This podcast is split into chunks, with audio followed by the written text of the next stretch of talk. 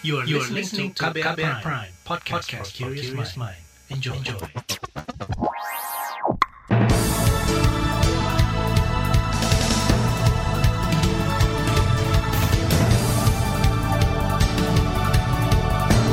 Selamat pagi saudara, senang sekali kami bisa menjumpai Anda kembali melalui program Buletin Pagi edisi Rabu 24 November 2021. Sejumlah informasi pilihan telah kami siapkan di antaranya realisasi target kekebalan komunal masih terkendala di sejumlah daerah. Jelang tutup buku akhir tahun realisasi APBD masih rendah. Panglima TNI ke Papua guna matangkan konsep keamanan tanpa perang. Inilah Buletin Pagi selengkapnya. Terbaru di Buletin Pagi.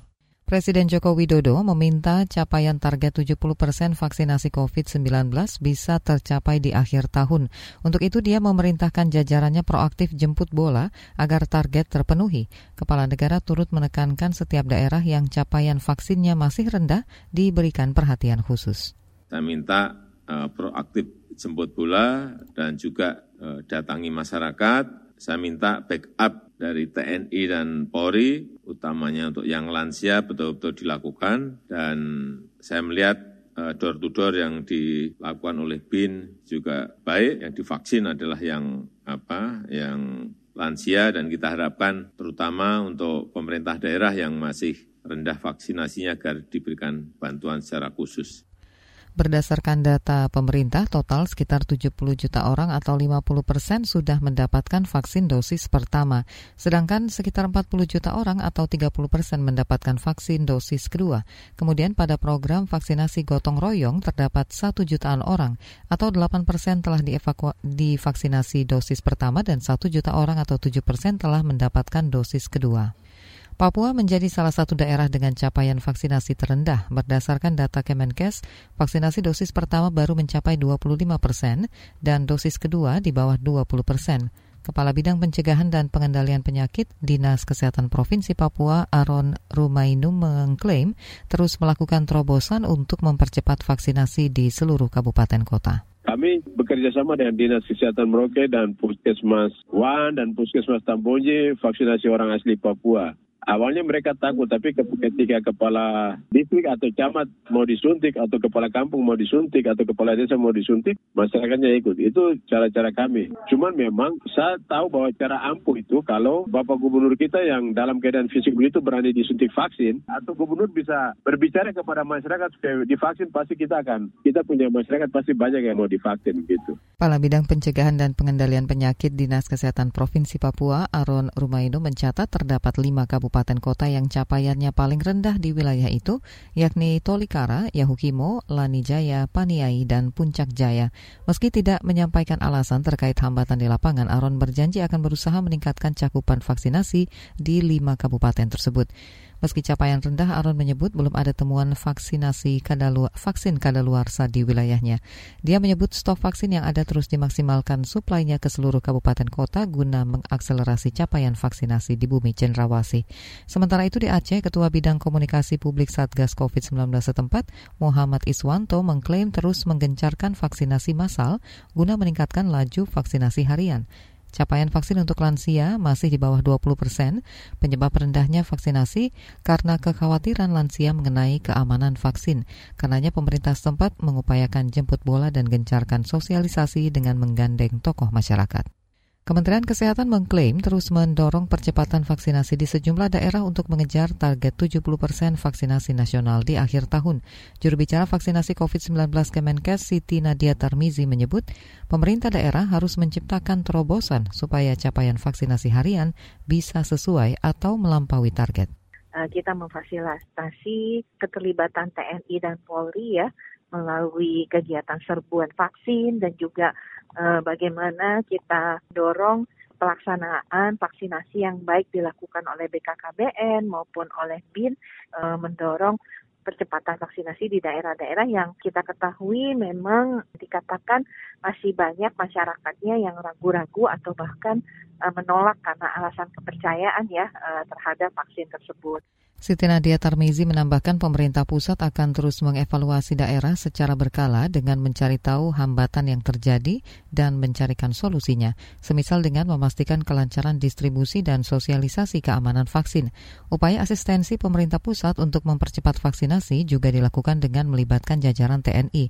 Panglima TNI Andika Perkasa berkomitmen membantu percepatan vaksinasi di daerah yang capaiannya masih rendah, sesuai instruksi Kepala Negara.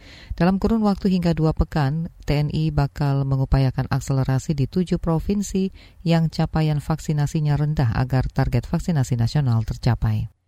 Epidemiolog menilai capaian target vaksinasi COVID-19 sebesar 70 persen dari populasi di Indonesia masih cukup rendah Ahli epidemiolog dari Universitas Griffith Australia, Diki Budiman menyarankan target vaksinasi ditingkatkan dari rencana awal agar kekebalan komunal bisa benar-benar terbentuk.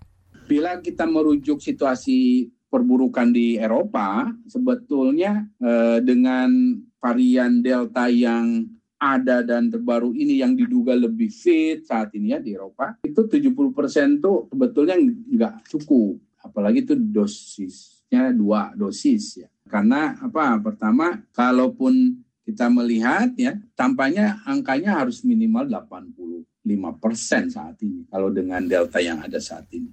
Epidemiolog Diki menambahkan pemerintah harus memberi perhatian khusus pada daerah yang cakupan vaksinnya masih di bawah 50 persen dan wilayah dengan kasus corona tertinggi upaya optimalisasi vaksinasi di daerah yaitu memperbanyak vaksinat, vaksinator, distribusi vaksin yang merata hingga sosialisasi kepada masyarakat terkait manfaat vaksin. Salah satu hambatan vaksinasi adalah kekhawatiran lansia terhadap kejadian ikutan pasca imunisasi. Diki menegaskan lansia menjadi kelompok prioritas vaksin karena berkontribusi signifikan lebih dari 50 persen kasus di rumah sakit dan kematian. Lansia juga rentan lantaran pembentukan imunitas tidak secepat kategori usia yang lain. Saudara jelang tutup buku akhir tahun, realisasi APBD masih rendah. Informasi selengkapnya hadir sesaat lagi, tetaplah di Buletin Pagi KBR. You're listening to KBR Pride, podcast for curious mind. Enjoy!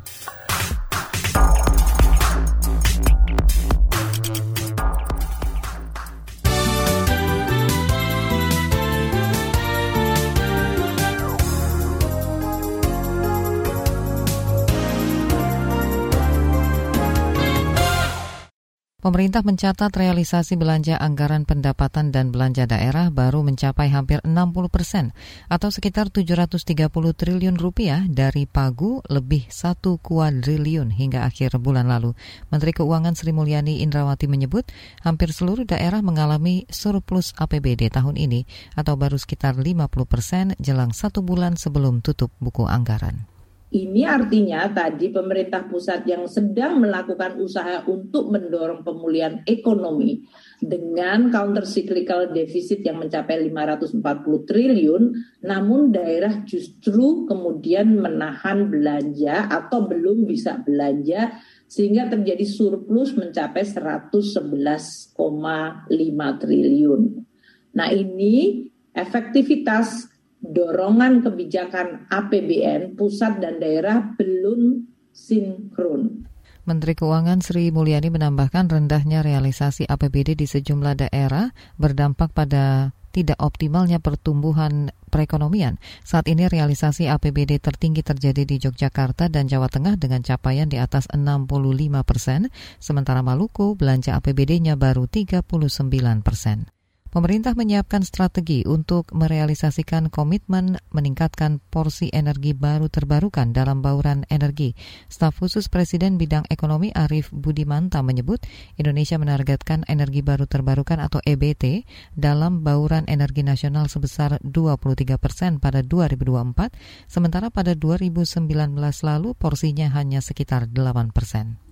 Nah, untuk itu ada beberapa uh, strategi yang dilakukan yang pertama adalah satu melalui apa yang disebut dengan peningkatan kapasitas terpasang untuk pembangkit energi baru dan terbarukan dengan berbagai macam uh, sumber ataupun input energi ya. Staf khusus Presiden bidang ekonomi Arif Budimanta menyebut upaya lainnya adalah pemanfaatan biofuel untuk domestik termasuk menggunakan 40 persen komponen dalam negeri untuk sumber pembangkit listrik, biofuel, dan panas bumi. Strategi itu termaktub dalam peta jalan energi nasional. Kita ke soal lain, Satuan Tugas Satgas Penanganan COVID-19 meminta pihak sekolah melakukan upaya surveillance aktif untuk mengantisipasi penularan virus saat proses pembelajaran tatap muka atau PTM. Juru bicara Satgas Penanganan COVID-19 Wiku Adisasmito mengatakan upaya yang dimaksud yaitu pemeriksaan dan pelacakan secara periodik.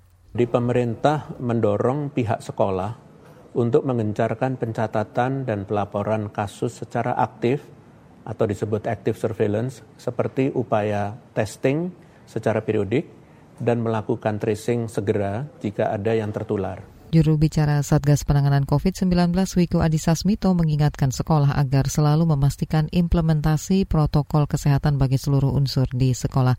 Prokes itu harus dipatuhi dimulai dari rumah, saat perjalanan, dan saat beraktivitas di sekolah. Upaya patuhi prokes harus diimbangi juga dengan vaksinasi guru hingga murid. Dewan Perwakilan Rakyat DPR meminta pemerintah mengkaji secara menyeluruh rencana peniadaan karantina bagi turis asing yang sudah divaksin. Anggota DPR Komisi Kesehatan Neti Prasetyani Heriawan mengatakan kebijakan itu harus dikaji dengan melibatkan para ahli epidemiologi.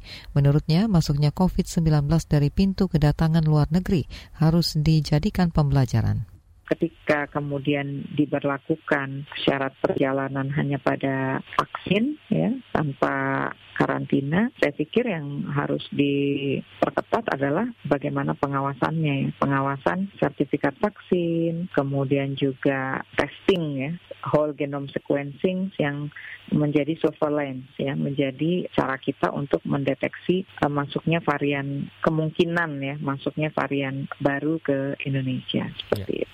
Anggota DPR Komisi Kesehatan Neti Prasetyani Heriawan menambahkan peniadaan karantina juga harus mempertimbangkan sistem kesehatan di daerah tujuan wisata sebab sistem kesehatan di Indonesia masih belum merata. Dia meminta pemerintah tak tergesa-gesa menerapkan kebijakan tersebut.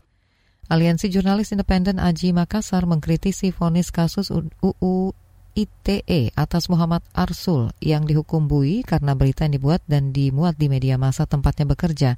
Ketua Aji Makassar Sahrul Ramadan menyatakan kasus itu adalah sengketa pers yang semestinya diselesaikan di Dewan Pers.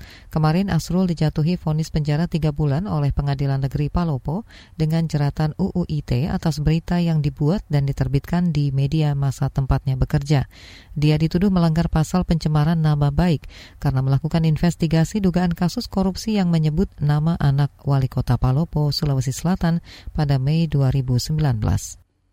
Kita ke informasi mancanegara, Kementerian Luar Negeri mewanti-wanti agar WNI yang berada di Austria mematuhi aturan setempat menyusul penutupan wilayah nasional di negara tersebut. Kebijakan penutupan wilayah sejak 22 November hingga 12 Desember diterapkan usai kasus virus corona melonjak.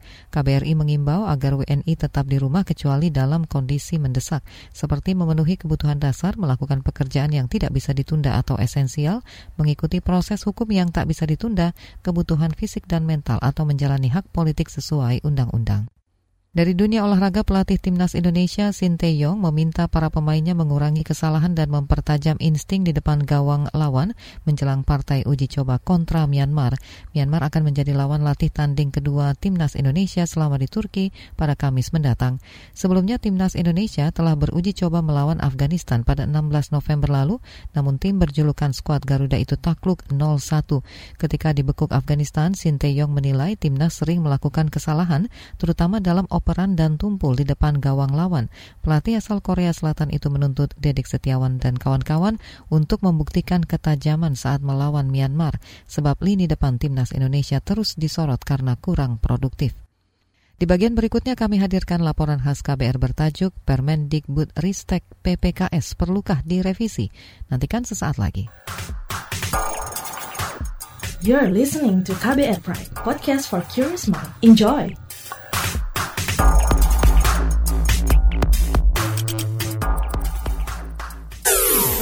Commercial break. Anda sering gelisah, tidak bisa tidur nyenyak, selalu merasa ada yang merasuki pikiran Anda. Ini bukan iklan horor atau cerita seram, tapi kalau Anda mengalami hal seperti itu, Anda pasti ketinggalan berita terupdate yang lagi ramai diperbincangkan. Gak mau kan dibilang ketinggalan berita?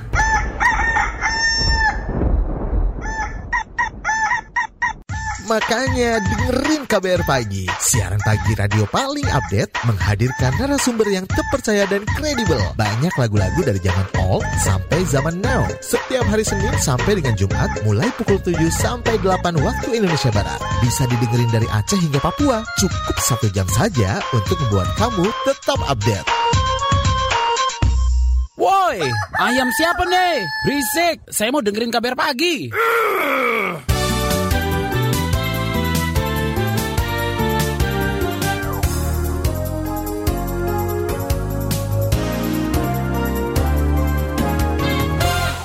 Anda masih bersama kami di Buletin Pagi KBR. Peraturan Menteri Pendidikan Kebudayaan Riset dan Teknologi nomor 30 tahun 2021 tentang pencegahan dan penanganan kekerasan seksual di lingkungan perguruan tinggi masih terus menuai polemik. Meski mendapat banyak dukungan, namun tidak sedikit yang mendesak aturan itu direvisi. Berikut laporan khas KBR disusun Astri Yuwanasari. Pada Oktober lalu, Kementerian Pendidikan, Kebudayaan, Riset, dan Teknologi mengeluarkan aturan yang berisi pencegahan dan penanganan kekerasan seksual di lingkungan perguruan tinggi. Menteri Pendidikan Nadiem Makarim mengatakan, aturan itu dikeluarkan sebagai pedoman bagi perguruan tinggi untuk menangani dan mencegah kasus kekerasan seksual di dalam kampus. Dalam aturan tersebut juga termuat ketentuan sanksi bagi pelaku kekerasan seksual di lingkungan perguruan tinggi keinginan yang kuat untuk memerdekakan semua peserta didik di Indonesia menggerakkan kami untuk mengesahkan Permendikbudristek tentang pencegahan dan penanganan kekerasan seksual di lingkungan perguruan tinggi. Peraturan ini kami keluarkan sebagai pedoman bagi perguruan untuk membentuk satuan tugas pencegahan dan penanganan kasus kekerasan seksual di dalam kampus dan menentukan sanksi bagi pelaku kekerasan seksual di lingkungan perguruan tinggi. Keluarnya aturan itu mendapat sambutan positif dari berbagai kalangan, termasuk dari Forum Rektor Indonesia atau FRI. Ketua Forum Rektor, Panut Mulyono mendorong agar perguruan tinggi negeri di Indonesia bisa segera membuat aturan turunan untuk melaksanakan peraturan menteri itu. Panut mengatakan pedoman dibutuhkan guna menjamin kasus-kasus pelecehan seksual yang terjadi di lingkungan perguruan tinggi bisa diselesaikan. Itu sebagai pedoman untuk membuat peraturan biar kita bisa menangani kasus-kasus jika ada lah begitu ya. e, e, kalaupun tidak membuat tinggal diikuti saja ya ya mungkin bisa juga ya. Tetapi seyogianya kan memang e, perguruan tinggi memiliki aturan yang nanti di dalam menyusunnya memedomani e, Permendikbud e, Ristek itu. Panut Mulyono yang juga menjabat Rektor Universitas Gajah Mada mengatakan aturan Menteri Pendidikan nomor 30 itu sudah jelas dan tegas terkait penanganan dan pencegahan kasus pelecehan seksual bukan untuk tujuan lain. Meski begitu, peraturan menteri itu juga memunculkan kontroversi dan penolakan, terutama pada frasa atau gabungan kata tanpa persetujuan korban dalam kekerasan seksual. Ketua Bidang Fatwa Majelis Ulama Indonesia atau MUI, Asrorun Niam Soleh menganggap Frasa itu bertentangan dengan nilai-nilai agama dan budaya bangsa. Karena itulah kemudian uh, Ijtima meminta kepada pemerintah agar mencabut atau setidak-tidaknya merevisi uh, peraturan menteri dengan mematuhi prosedur pembentukan peraturan perundang-undangan dan materi muatannya wajib selaras dengan syariah, selaras dengan norma nilai agama, selaras dengan Pancasila, selaras dengan Undang-Undang Dasar Negara Republik Indonesia dan peraturan perundang-undangan lainnya serta nilai budaya di tengah masyarakat. Dorongan agar peraturan menteri direvisi juga datang dari organisasi Muhammadiyah, Nadatul Ulama, hingga kalangan mahasiswa. Mereka menilai frasa tanpa persetujuan korban berpotensi ditafsirkan melegalkan seks bebas jika kedua belah pihak saling menyetujui. Menanggapi kontroversi ini, Kementerian Pendidikan memastikan terbuka terhadap berbagai masukan terkait peraturan itu. Demi meredam polemik tersebut, Menteri Pendidikan Nadiem Makarim mendatangi pengurus besar Nadatul Ulama atau PBNU untuk memberikan klarifikasi sekaligus meminta masukan sebagai bahan penyempurnaan Permendikbud PPKS. Seperti komitmen saya, seperti saya sudah bilang beberapa kali di media, uh, kami menggunakan beberapa bulan ke depan ini untuk sowan dan datang dan mendengarkan satu persatu kita catat masukannya, aspirasinya, uh, baik dari pihak organisasi masyarakat, beragama maupun juga kampus, mahasiswa dan dosen-dosen. Uh, jadi ini adalah waktu kita uh, untuk mendengar ya aspirasi. Tapi sekali lagi uh, sepertinya uh, kesatuan pendapat bahwa kekerasan seksual ini adalah suatu hal yang harus kita eradikasi, ya, ya. harus kita serang sekarang bahwa ini fenomena gunung es, kesatuan itu telah tercapai hari ini. Menteri Nadiem Makarim mengatakan jumlah kasus kekerasan seksual di lingkungan perguruan tinggi sudah sangat tinggi dan bisa menjadi pandemi. Namun sampai saat ini hampir semua kasus kekerasan seksual itu tidak tertangani dengan semestinya. Di sisi lain, rancangan undang-undang penghapusan kekerasan seksual yang diinisiasi DPR sejak 2014 tidak kunjung disahkan. Laporan ini disusun Astri Yuwanasari, saya Reski Mesanto. You're listening to KBR Pride, podcast for curious mind. Enjoy!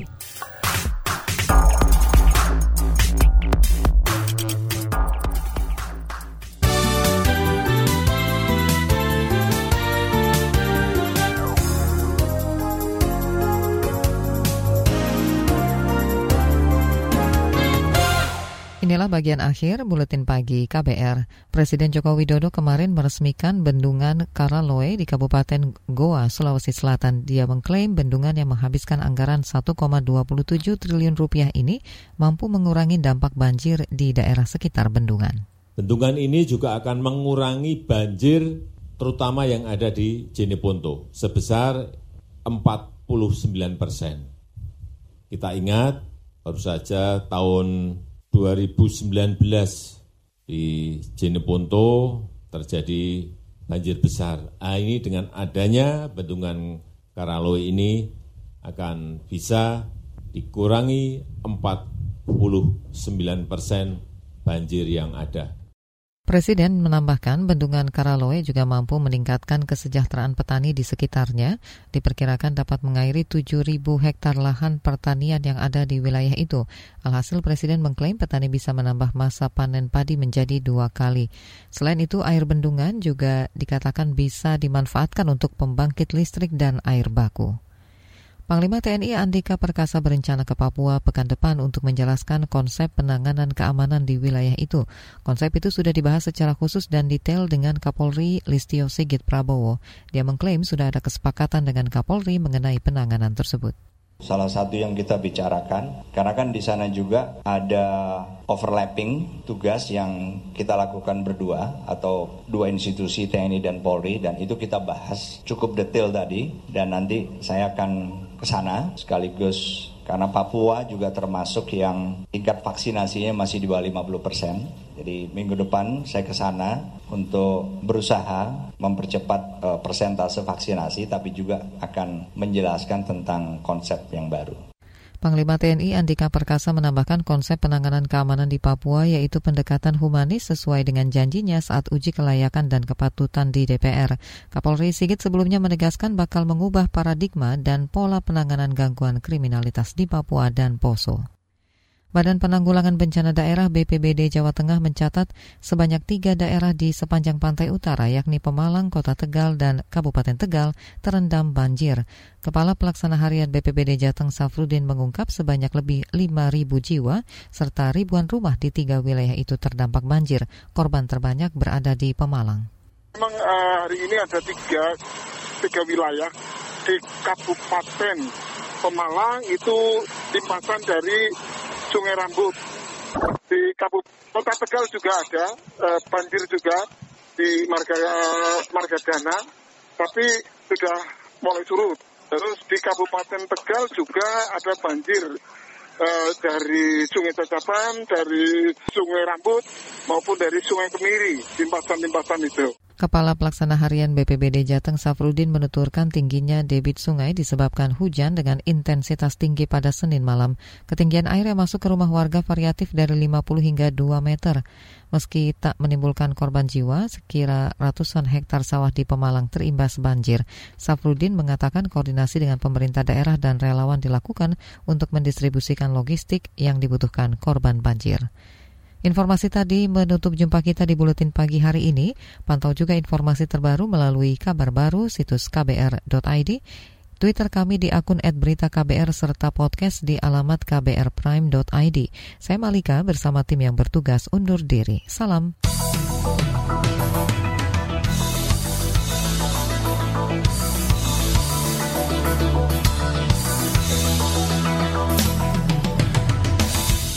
KBR Prime, cara asik mendengar berita. KBR Prime, podcast for curious mind.